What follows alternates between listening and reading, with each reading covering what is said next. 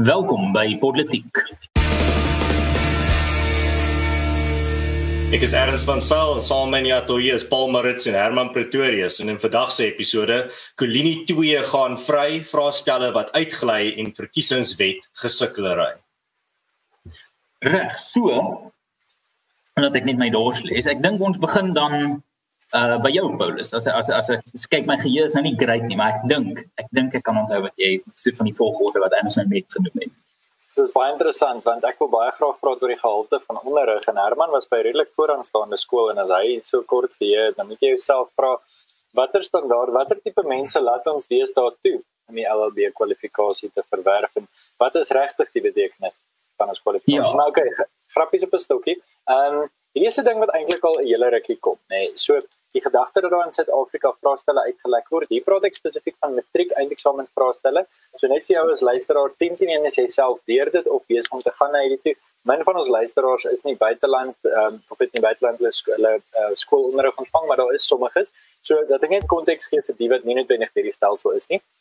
In Suid-Afrika skryf jy op twee uh fases 'n gesentraliseerde eksamen. Een is aan die einde van graad 9 um, en die die name wissel heeltyd. So ek gaan nie eers probeer om die name te gee nie, maar einde graad 9 het jy gesentraliseerde eksamen sodat jy graad 9 sertifikaat het en van daar af 'n uh, ambag sou kon betree of 'n uh, N2 kwalifikasie ergens anders probeer nagaan en dan weer aan die einde van matriek waar jy 'n uh, matriek uh, eksamen kry en ek vermoed dit is dan op uh, kwalifikasie vlak N3 as my uh, geheue my my nie in die steek laat nie. En in elk geval hierdie N3 kwalifikasie vir nasionale senior sertifikaat wat wat op, op hierdie vlak is, word verwerf deur 'n sekere kombinasie van vakke te skryf en die probleem is dat hierdie vakke se se kwalifikasie of ten minste die gehalte daarvan regtig belangrik is vir Suid-Afrika. Dit is belangrik want ons mediese keuring is gebaseer op hierdie punte. Ehm um, uiteindelik die dokters wat ons in die wêreld instuur het hierdie punte nodig selfs met enige ander kwalifikasie, maar spesifiek daar waar wiskunde en wetenskap nodig is, is 'n sekere gehalte of 'n sekere standaard nodig. Nou wat is die impak van vraestelle wat uitlek? En miskien kan ons hieroor in 'n bietjie meer diepte praat, maar die gevolg daarvan is dat mense punte kry wat nie 'n ware weerspieëling is van wat hulle kan doen nie dan kry jy 'n punt van 70 of van 80 en onthou met WhatsApp lees daar dit was een van die interessante goed wat hierdie nuusberig gesê het is die vraestel het deur WhatsApp versprei. So deur middel van WhatsApp is dit moontlik om hierdie vraestel na duisende tieners toe te stuur binne etlike sekondes. En ewe skielik is die waarde van jou van jou vraestel nie meer op die hoogste vlak nie. Nou net om die analise 'n bietjie vleis te gee uh, wil ek 'n uh, bietjie praat oor die drie vraestelle wat uitgelek is. Nou hierdie stadium weet ons van wiskunde vraestel 2. Nou ehm um, ek weet vraestel 3 is meetkunde vraestel 1 is gewoonlik jou uh algebra. As ek reg is, ek kan nie presies onthou wat is in vraestel 2 nie. En fisiese wetenskappe vraestel wat uitgelek word nie gesê wat chemie of fisika is nie, maar beide van hulle is ewe belangrik as jy ingenieurswese of medies wil gaan studeer en dan natuurlik lewenswetenskappe wat uh, ons dalk ook ken as biologie in my tyd was dit al lewenswetenskappe maar ons het nog gepraat van biologie. Nou uiteindelik is hierdie drie verskriklik belangrike vraestelle. Hoekom? Want dit is uh, vereiste vakke vir hoogs gespesialiseerde rigtings. En ons kan nie regtig bekostig dat die standaard hier sak nie. En dit is ongelukkig wat ons sien. Nou intussen het die valke betrokke geraak en daar's arrestasies gemaak die spesifieke spesifieke artikels um, waarna ek gekyk het sê die Falke se uh, woordvoerder Katlego Magale uh, praat van 'n Temba Shikwabana wat gearresteer is en dit gaan daaroor net om so 'n bietjie uh, dalk 'n pleintjie te gee vir die onderwysstelsel. In hierdie spesifieke geval was dit nie onderwysers wat die vraestel uitgelek het nie. In hierdie spesifieke geval was dit uh, dat die vraestel uitgelek het deur middel van die drukkermaatskappy. Nou of hierdie drukkermaatskappy mens voldoen aan BEE e vlak 710 is is miskien 'n 'n ding wat 'n mens kan aanneem dat hy sou moes doen, maar dit gaan vir my daaroor. Dit gaan vir my gewoon daaroor ons het 'n maatskappy vertrou en die forensiese ketting van die drukker na die na die uh lesenaar waar die kind dit daarin moet skryf het ongelukkige gate ingegaan. Nou klink dit vir my wanneer daar 'n misdruk is, ek weet nie wat die mooi Afrikaans vir 'n misprint is nie, kon sê foutiewe druk, dan word hierdie vraestel 'n streep deurgetrek en hy word in 'n asblik gegooi en dit het van daai asblik af dan nou uitgelek. Dis hoe dit op hierdie stadium lyk maar dit is kommerwekkend dat drie vraestelle uitgelek het. So ek gee baie breë konteks daaroor en uh, ek sien uit na na julle bespreking oor uh, wel wat dit beteken vir Suid-Afrika vir gehalte en miskien wat die pad vorentoe is. Hmm.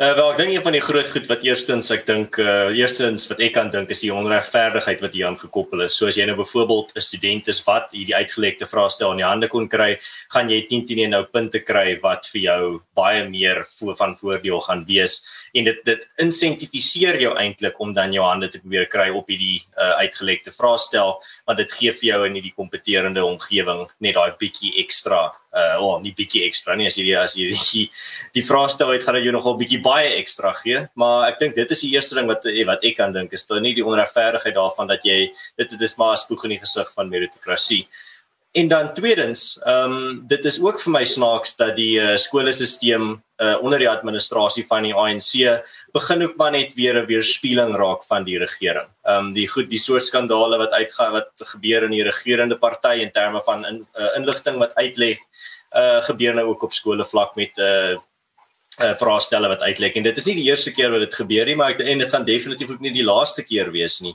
Ehm um, want dit lyk vir my ook asof ons het nou op die oomblik hierdie stelsel geskep waar hierdie soort gedrag geïnsentifiseer word waar uh studente gaan soek vir uh, uitgelekte vraestelle.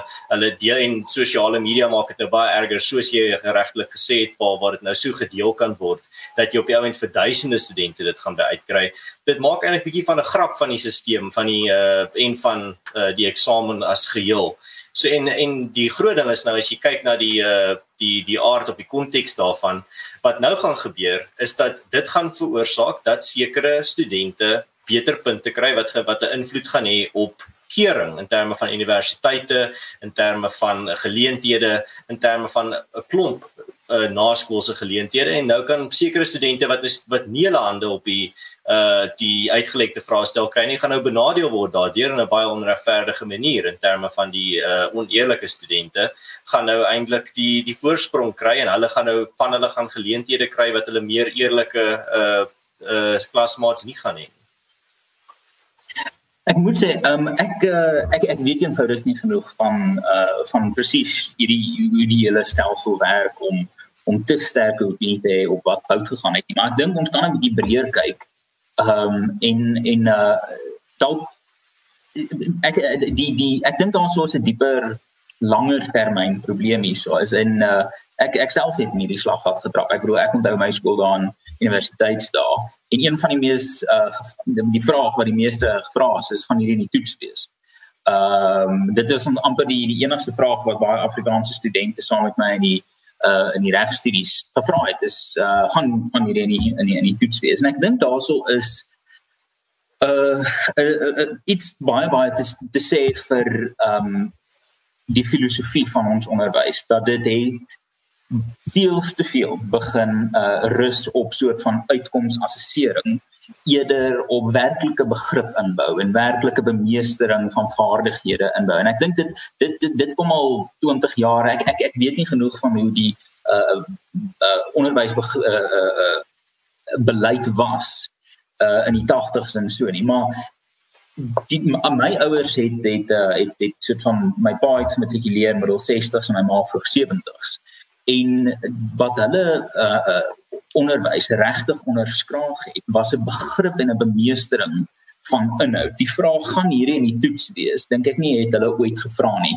En ek dink as 'n toets so of 'n enkele assessering so belangrik word, dan dink ek het ons fokus verloor van wat die punt van opvoeding en onderwys werklik moet wees. Dit moenie net 'n box ticking 'n box ticking exercise wees waar jy net by 'n lysie kan afgaan en sê geskryf geskryf geskryf nie. Daar moet 'n 'n fokus wees op op begrip wat en en ek dink dit dit is wat vir my minstens hier uitstaan is as ons stelsel so afhanklik is van een so toets dan dink ek nie die stelsel is besig om op te voed of uh, of te onderrig nie maar meer net jy weet deur die proses blindelings te gaan. En dan is dit nog net 'n stelsel wat uh net op een toets uh staat maak. Dit is 'n stelsel wat op een toets staat maak wat 30% kort om deur te kom. So dit is nog bietjie meer van 'n klug as net daai. So die die ding vir my is soveel as wat ek ek ek hoor wat altyd van julle sê en ek wil so 'n bietjie aan aansluit by by beide van julle. Herman, dit wat jy van praat is baie in die in die Duitse benadering tot 'n universiteit praat hulle van die gebildete persoon wat by die van Humboldt Universiteit in Berlyn amper by uitstek ontwikkel is die gedagte dat jy amper in jou eerste jaar net 'n klomp vakke het wat vir die wêreld wys en dat jy in jou tweede jaar begin spesialiseer dat almal dan jy weet 'n ingenieur met 'n bietjie filosofie gaan verstaan hoekom hierdie masjien werk nie net hoe hy werk nie. Um en terselfdertyd 'n predikant wat weet hoe werk 'n engine sal so 'n bietjie meer kan uh miskien assosieer met die wêreld en hoe dit regtig werk en ek ek spot nie predikant nie ek het self filosofie gestudeer en ek dink ek het meer geweet oor hoe 'n engine werk. Miskien sou ek beter kon assosieer dalk met van die mense wat my lees preek hoor van tyd tot tyd. Nou goed, um meer eenvoudig op die punt wil ek 'n bietjie fokus op die slagoffer in hierdie geval. En Herman, ek dink jy maak 'n geldige punt as jy sê die slagoffer is tipies die kind, want die kind het 'n verdraaide persepsie van wat is opvoeding en wat is onderrig. Um 'n professor van by die universiteit het gesê daar's 'n verskil tussen getting the grade and getting the education en ek dink dit is 'n baie belangrike uh, Engelse aanhaling wat ek nie nou so vinnig direk kan vertaal nie, maar was hierdie gedagte dat jy vir jouself vra wat is dit wat ek meet? Meet ek onderskeidings en ongelukkig is dit wat ons begin doen het ehm um, jy jaag 90% van dis jy 'n keer in kry vir die ehm um, moeilike kwalifikasies. Maar uiteindelik wat help dit? En, en dit is belangrik want dit wys dat jy die stelsel verstaan en uiteindelik is dit moeilik om te onderskei tussen iemand wat regtig die onderrig gekry het uh, wat 90 het en iemand wat net die stelsel reg gespeel het en 90 gekry het. Maar ek wil dit terugneem na die vraestelle wat uitgelê het. Uiteindelik ja, klomp mense gaan dalk punte kry wat hulle nie verdien het. Maar die ware slagoffers is daai kinders self.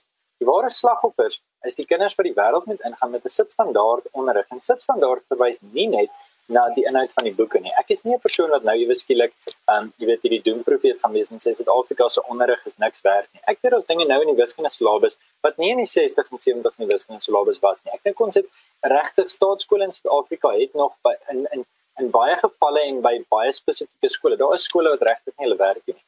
Maar daar is skole wat wonderlike hoë standaard onderrig gee. Ek praat van jou tipiese groot sterk Afrikaanse skole, sterk dubbel medium skole wat wat 'n goeie reputasie het hierdie goed. En dan lei hulle matriek op wat byvoorbeeld uh, rekeningkunde of medies of ingenieurswese studeer en net so enige plek in die wêreld inskakel op die moeilikste aanlegte wat die moeilikste hulpbronne ontgin en dit en dit wêreldklas doen. Dis mense wat Afrikaans geleer het of wat met Tswana as huistaal en Engels geleer het wat kultureel is hierdie sisteme en dit gebeur. Maar die probleem is na mate hierdie stelsel afgetakel word deur sulke tipe foute, na mate ons mense wat substandaard sekuriteit toepas, toelaat om vraestelle te druk by 'n by 'n drukker wat wat duidelik toegang is vir mense wat nie dieselfde ideaal het van hoë gehalte onderrig nie, gaan mense besef, maar weet ek hoef net so hard te leer want daar's 'n goeie kans dat hierdie vraestel gaan uitlek. Daar's 'n goeie kans dat ek ergens 'n weergawe daarvan gaan kry. Ehm um, En verder as dit gaan mense uiteindelik plekke op universiteite vul wat hulle met met alle respek nie veronderstel was om te vul nie en die plekke vul van iemand wat dalk meer verdienstig was, maar nie die punt gekry het nie omdat hulle nie die kort paai kon vat. So dis 'n dis 'n lang ja. analise en Herman ek ek sien jy wil graag my aansluit en, en ek ek voel baie emosioneel oor ja. die kwessie want dit is baie belangrik vir ons land se toekoms. Ek moet sê die um, Thomas Sowell maak hierdie uitstekende uh hy hy hy verwys na gevalle waar um, in die 90s uh veral onder die Clinton administrasie en selfs onder onder onder uh, uh Bush 43 was mense in hierdie situasie waar um kwota stelsels en so um welmenend was. Uh en en wat gebeur het is 70%ers uh uh wat het het toegang gekry tot universiteite vir 90%ers en die sielkundige skade aan hierdie mense was enorm. Baie van hulle het eenvoudig dit nie gemaak nie, want soos jy sê, hulle het hulle hulle hulle kan nie eh, hulle hulle was nie 90% is nie en en jy kon al deur die een fase gaan met 'n bietjie van 'n van 'n van 'n van 'n kolkode, maar in die volgende fase gaan dit by jou opvang en die werklike lewe gaan by jou opvang. So jy mag dalk nou van jy mag dalk beter geleenthede kry as wat jy eintlik gehad het, maar daar is iets te sê vir om eenvoudig uh, uh, net 'n uh, uh, uh, onderwysstelsel te hê waar wat jy weet en hoe dit gemeet word baie meer pragmaties benader word. En ek dink dit is 'n fout wat Suid-Afrika nog moet konfronteer. Is ons fokus veel te min op op 'n um, werklike vermoënsontwikkeling. Ek dink byvoorbeeld ons fokus veel te veel op universiteit toe gaan.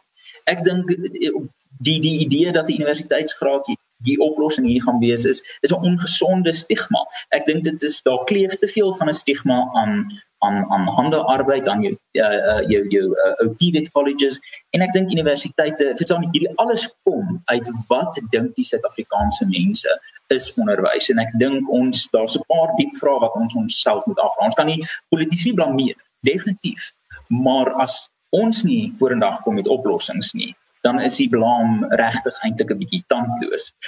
Maar waar Merite en waar uitkomste wel seker sekerlik saak maak is in die howe.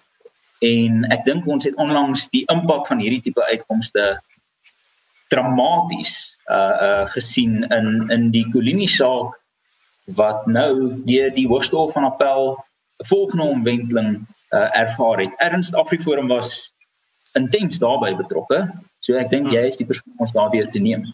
Hmm. So miskien eers vir 'n bietjie agtergrond. Uh Philip Skutte en Pieter Dodewaard uh van Colini uh, is Vrydag in die Appelhof in Bloemfontein onskuldig bevind op al die aanklagte teen hulle. So hierdie was 'n baie groot storie so 'n paar jaar terug en ek dink meeste van ons luisteraars gaan dit onthou. Ehm um, so regter Ronnie Hendriks uh het die mans in Maart vanjaar skuldig bevind aan die moord op die tiener uh op 'n jong swart tiener uh, en hulle het daarna spesiale verlof gekry om direk by die Appelhof in Bloemfontein te appeleer teen hul skuldbevinding. Uh die man se regspan onder leiding van advokaat Barry Roo wat julle sal onthou van die Oscar Pistorius saak uh, I put it to you het die Appelhof suksesvol versoek om verlof tot appel te kry nadat die Hooggeregshof ehm um, uh van jaar geweier het om verlof tot appel in die saak toe te staan.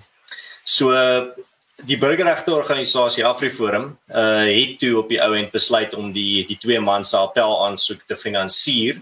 Uh en die en dit is nadat die enigste ooggetuie in die moordsaak teenoor die vier uh vier mense erken het dat hy in die hof gelieg het en hy het ge, hy het getuig dat hy gesien het hoe Dorewaard en Skutte die tiener vermoor. En uh, hierdie een enkele getuie was waarop hierdie hele eerste beslissing uh, gebaseer was in terme van hulle skuldbevinding. En nou is dit is hulle twee vry mans en ons het nou twee nogal ons het uh, kom ek sê dit 'n interessante analise gesien in terme van uh, hierdie saak en wat hier gebeur het Ehm um, daar was mense wat wat gesien het al die gate in die in die vorige uitspraak en kon sien duidelik hoekom hierdie twee mans uh, suksesvol was in, in hulle appel aansoek. Maar dan was daar ander wat dit nie so gesien het nie. Ander wat gesien het dat uh, nee hierdie mans uh, het net weggekom want hulle is wit, hulle is bevoordeel, uh, hulle is bevoordeel en uh, dit is hoekom dit gebeur het. En uh, ons het, en dit kom nie van sommer net gewone ouens op sosiale media nie. Dit is van ouens wat baie groot respek het in die uh, in die groter Suid-Afrikaanse analise prentjie, uh insluitend iemand soos uh, Pierre de Vos. En maar ek moet sê, ehm um, daar vir ons luisteraars as jy verder wil gaan lees oor hierdie oor hierdie saak en vir beter agtergrond, daar is 'n uitstekende analise op Politics Web uh ek dink dit was gister of vandag wat dit uh, gepubliseer is. Hier sal dit op hulle op hulle tuisblad sal sal jy dit sien. Um dit is absoluut briljant. Dit gee vir die, die perfekte agtergrond. Dit gee vir jou analise ook in terme van die logika van die saak en hoe dit op die ou end uitgekom het waar dit het. En daar's 'n paar uh baie skerp uh skerp grappies ook daarin teenoor die die meer absurde analise wat ons van ander soort uh, figure gesien het uh in die afgelope paar dae. Nou ja, ek ek vir my analise vinnig maak. Ek ek dink wat ons hier sien vir my is tendense en ek wil graag daai tendense uitwys en jou as luisteraar as hierdie selfde tendense in Suid-Afrika optel. Ehm um, dan is dit miskien ietsie wat ons oor moet dink in die toekoms. Vir my is daar drie dinge. Ten eerste die duidelike verdeeldheid wat daar binne in Suid-Afrikaanse kan ons sê ehm um, minder opgeleide klas is. Nie en daarmee bedoel ek nie enige diskriminasie nie. Ek bedoel eerder hulle wat nie noodwendig toegang het tot eerstehandse inligting nie, hulle wat nie noodwendig toegang het tot die hof verslaan nie of nie die vermoë het om die saak deur te lees nie. Hulle word maklik opgesweep. En dit wys my daar's 'n verdeeldheid. Die oomblik wat en ons het ongelukkig dieselfde by verskeie geleenthede hierdie jaar gesien, miskien is kliks, miskien is die plaasmoorde op Paul Roux ook 'n voorbeeld. Ehm um, maar die oomblik wat daar 'n rasse narratief gepleeg word, dan is daar daai duidelike groepe en die streep in die sand is duidelik getrek. En in Suid-Afrika is dit natuurlik in die lyne van demografie en die lyne van ras. En ek dink dit is 'n kommerwekkende tendens. Ons weet dat daar partye en groepe en kragte is wat hierdie dinge uitbuit to ehm um, ten gunste van hulle self want uh, onsekerheid en uh, die die tekort aan aan 'n werklike goeie narratief oor wat aangaan is ten gunste van party. So daai verdeeldheid is die eerste punt wat ek wil uitwys. Ek wil verder praat oor hierdie gedagte van woord en waarheid. die punt dat iemand se woord nie regtig iets kan beteken nie, ehm um, of die feit dat dat dit is 'n getuie wat blaatant jok en dan natuurlik hy sal teen teen vervolg word, maar is dit 'n punt waar dit duidelik geglo is. Dis blaatant geglo deur mense wat vra vir die narratief waar aankleed. En nou moet ek eerlik wees, ek dink ek self het het baie keer ook hierdie en uh, die blindheid, nee, hierdie hierdie oogklappe. Jy wil graag dit glo wat inpas by die manier hoe jy die wêreld sien. En ek dink vir myself is dit meer en meer 'n waarskuwing om regtig te gaan en te sê, kom ek neem 'n tree terug. En kom ek wees eerlik daaroor dat ek 'n voorveronderstelling gehad het oor hoe iets gebeur het of hoe iets nie gebeur het.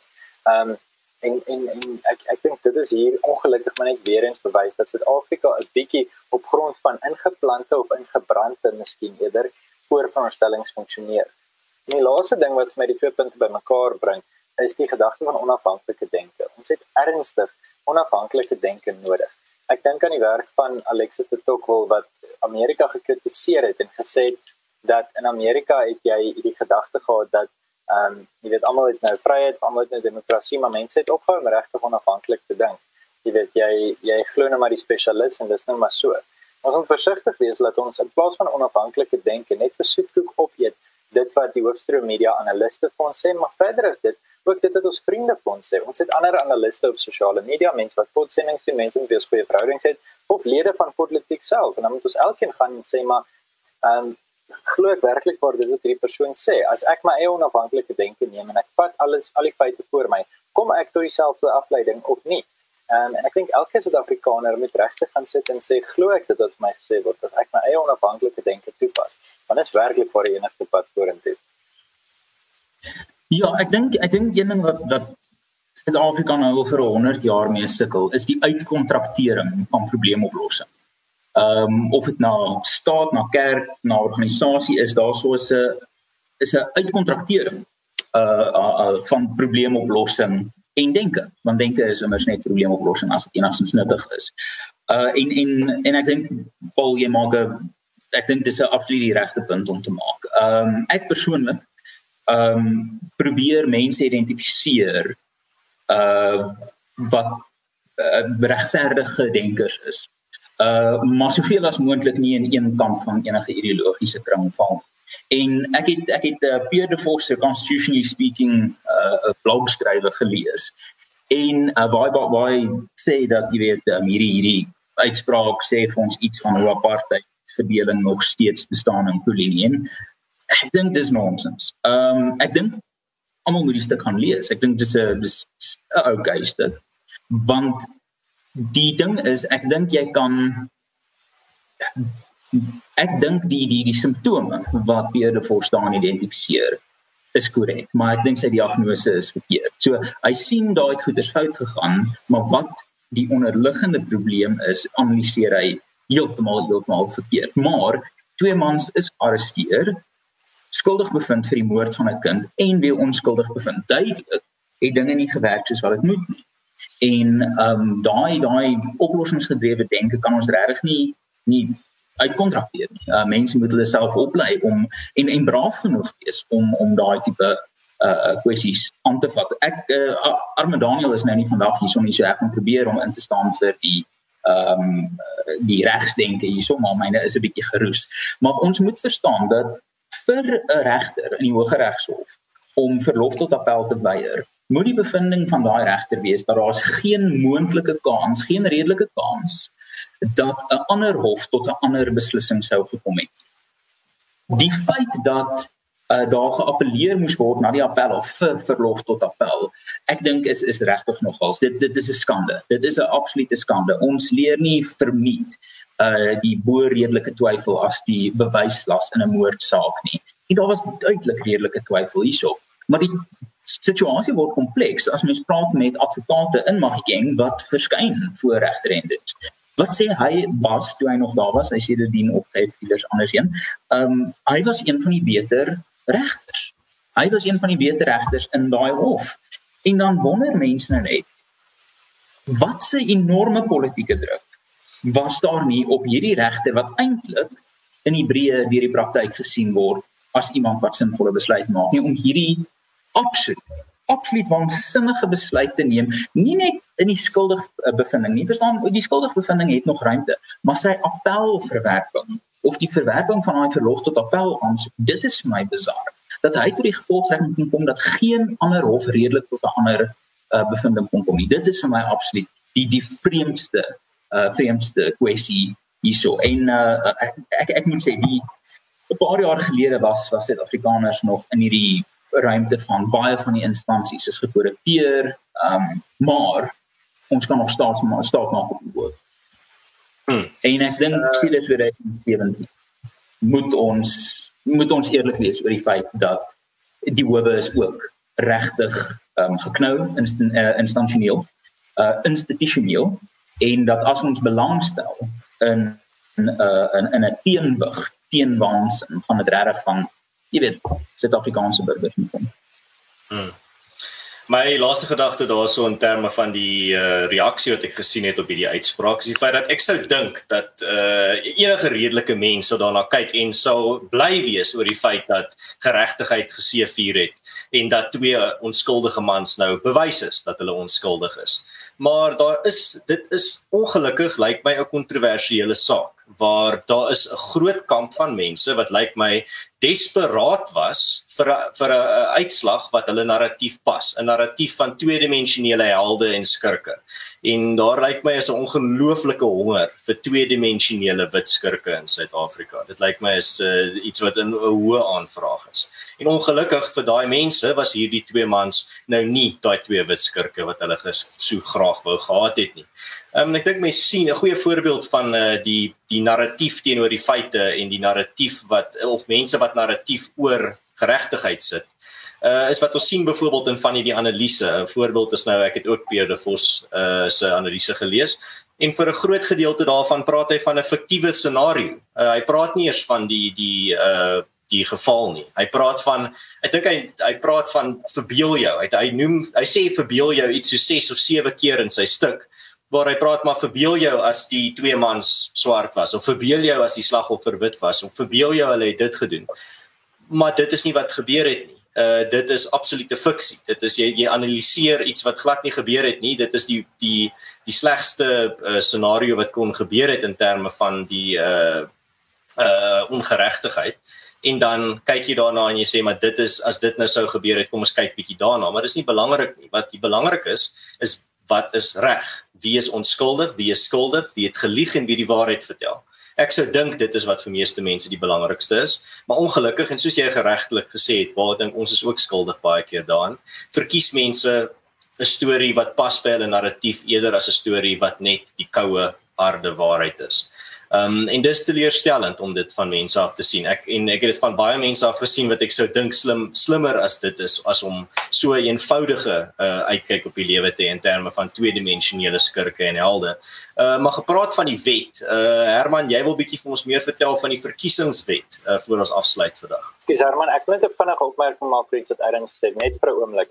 Iemand het 'n kommentaar gelewer oor Thomas Hobbes en John Locke en gesê wees versigtig as mense sonder kinders vir jou vertel in watter wêreld jou kinders moet leef. Ek glo dit. Nee, ek ek ek dink daar is 'n daar is baie goeie stukkie advies, maar ek dink ook mense moenie moenie Hobbes en Locke net lees en en die oppervlakkighede daarvan uh fokus nie. Daar's ook lees behoorlik. Daar's ons klomp. Dis ek dink Hobbes was reg oor klomp goeders met jou verkeerd aan goeders. Um maar voordat ek na die kieswet toe gaan, ek wil ek dink ek moet ook een ding byvoeg. Is hierdie saak in hierdie kolonie saak met mense regtig besef um die belangrikheid van 'n uh, beginsel soos onskuldig tot skuldig bewys. Um dit is die skans wat staan tussen jou en die staat. Uh want die staat het enorme mag om uh uh uh jou nou jou jou jou te vervolg. Uh en die feit dat hulle jou skuldig moet bewys bo redelike twyfel. Andersins staan die uh die uh aanname van van onskuld is besonder belangrik.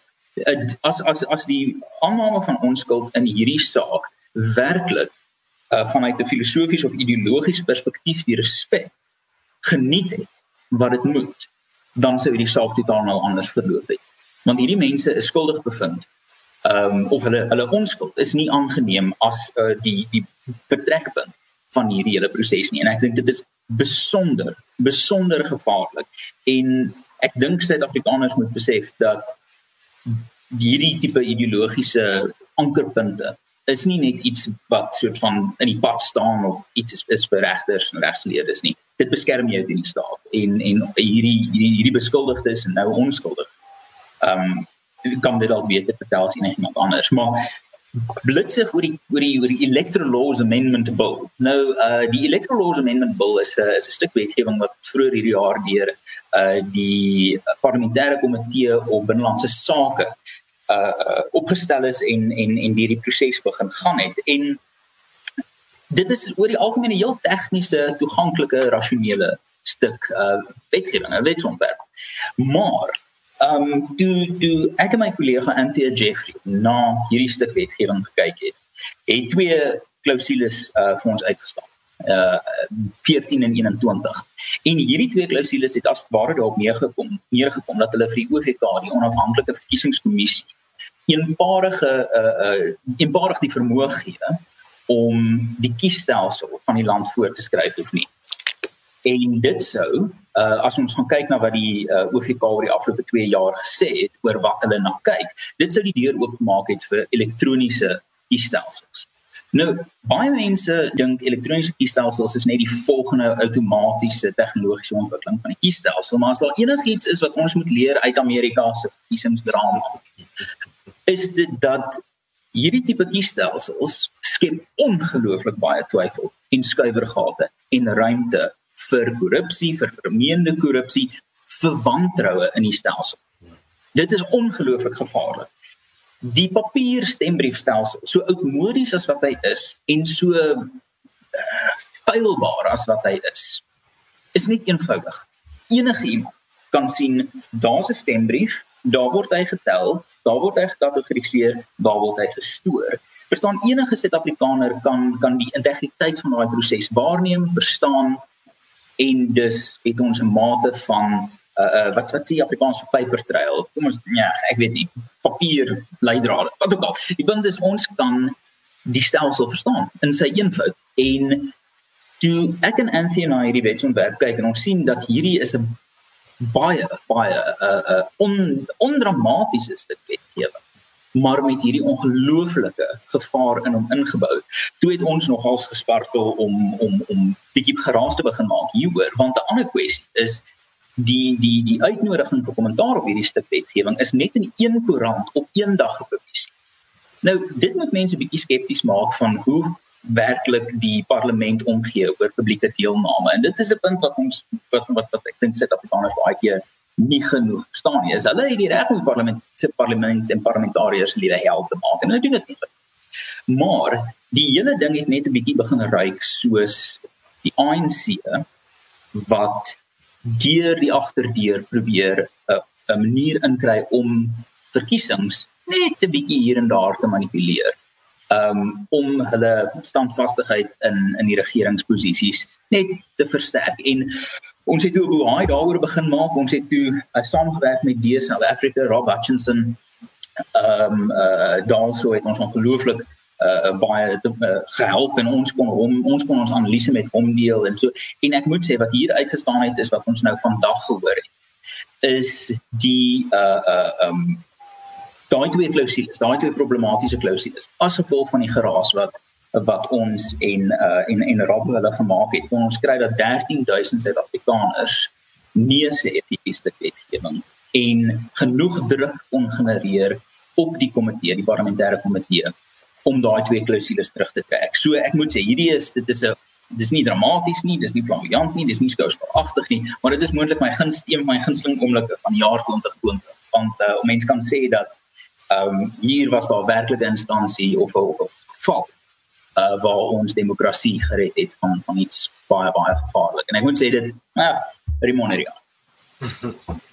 Wel, ek dink definitief ek stem 100% met jou saam. As hierdie is een van die goed waar kom ons hou dit baie eenvoudig. As iets nie stikkend is nie, hoef jy dit nie te vervang nie. En veral en ek dink daai dis 'n baie belangrike punt wat jy daar maak Herman oor die uh, vertroue in verkiesings. En hoe hoe meer nie net individue nie, maar buitelandse regerings meer bevoeg raak om te peter met elektroniese stemme, uh, hoe meer twyfel gaan daar gesaai word. Ons kan dalk by 'n punt kom waar die oppositie elke keer amper soos klokslag gaan sê maar hierdie verkiesing was gesteel omdat hierdie internasionale akteur het gepeter met ons verkiesing. Dit gaan later so dit gaan so uh, gewild raak dat dit gaan normaal wees. Dit gaan amper 'n nuwe normaal raak sal my voorspelling wees as dit sou uh reg oor die wêreld uh 'n gewilde manier van stem raak. En ek wil dis wat in Venezuela gebeur het. In Venezuela het hulle elektroniese stem stembusse gehad en dit het baie katastrofies uitgedraai vir daai land in terme van petering, in terme van Ah, nee, vra dit het baie goed uitgedraai vir vir die twee leiers sover in terme van Maduro en Chavez, maar verder vir die vir die land se mense nie so lekker nie. Veral as jy onder die tyre van 'n militêre uh, met militêre lorry beland soos 2 jaar terug. Ehm um, maar ja, hierdie is 'n uh, baie ernstige saak. Ek bly daar's Suid-Afrikaners wat teen kon terugdruk en dit is nogal sleg om te sien dat die regering so effektief sulke klein goedjie of wel nie so maklik so iets kan deurlaat glip sonder dat Suid-Afrikaners eers eintlik agterkom dat hierdie is besig om te gebeur agter die skerm. So baie wel gedaan aan aan die mense wat dit raak gesien het en wat dit uh, op die ou end toe kon stop. Ehm um, maar ja, ek dink daai hele ding rondom twyfel rondom verkiesings, soos wat ons meer in 'n elektroniese era ingaan met dit, gaan dit net so maklik raak om te sê my hierdie verkiesing was gesteel deur een of ander buitelandse akteur, regering, 'n uh, super individu, 'n uh, biljoenêr individu wat nou net uh, gepeter het met die resultate. Dit is ek ek kan nie myself indink dat daar enige ander scenario sou uitspeel. So ek ek dink ons ons het 'n mense wat politiek luister wat 'n baie spektrum opinies het en, en onlangs is is ek self voor die vingers getik dat ek baie sterk dieselfde standpunt het net nie noodwendig vir die opponerende standpunte gelyk kans gee nie. Maar nou vra ek as as 'n regering op een dag in een staatskoerant teen teen een nie op die voorblad of op 'n op 'n sigbare plek nie op 'n obskure plek hierdie tipe kennisgewing gee, dan moet jy sekerlik vir jouself dink hulle verdien nie regtig die voordeel van die twyfel. Maar dit is hoekom daar mense soos die politiek span is om vir jou as luisteraar hierdie dinge te bring. Ons gaan hierdie episode ehm um, afsluit dat uh, dat ons kan uitkom by dinge wat ons op donderdag aan doen. Dit is onderskeidelik braai Bybelstudie en uh, in die bedklim en slaap. So die 3 B's daarso. En uh, sterkte vir vir julle twee en dan ook vir ons luisteraars met uh, dit is voorlê die jaar staan einde se kant toe. En soos nigterheid onder polisie amptenare in Wilmerandstad is hierdie episode vir eers aan 'n einde. As jy nie weet waarna ek verwys nie, gaan kyk op my Twitter profiel. Dis die snaakste video wat jy hierdie jaar gesien het. Ehm um, en dis al ter jaar se eerste. Nou jy as luisteraar uit myself tot nonsens vir die gesprek verder, los ons kommentaar, praat met ons op sosiale media, raas met ons sê vir ons as jy nie doen wat van jou nie, dan kan ons terugstry of saamstem. En uh, dan gesels ons volgende week, week weer in ons jaaroorsigh episode. Dit sal ons derde jaaroorsigh wees. Uh, ons het 2018 een gedoen en verlede jaar eenetjie gedoen. Volgende jaar is volgende week is dan ons laaste episode vir die jaar. Ons hoop ons uh, sien julle almal daar. Erns Nerman, ek hoop julle kom in een stuk um, uit. Tot volgende keer.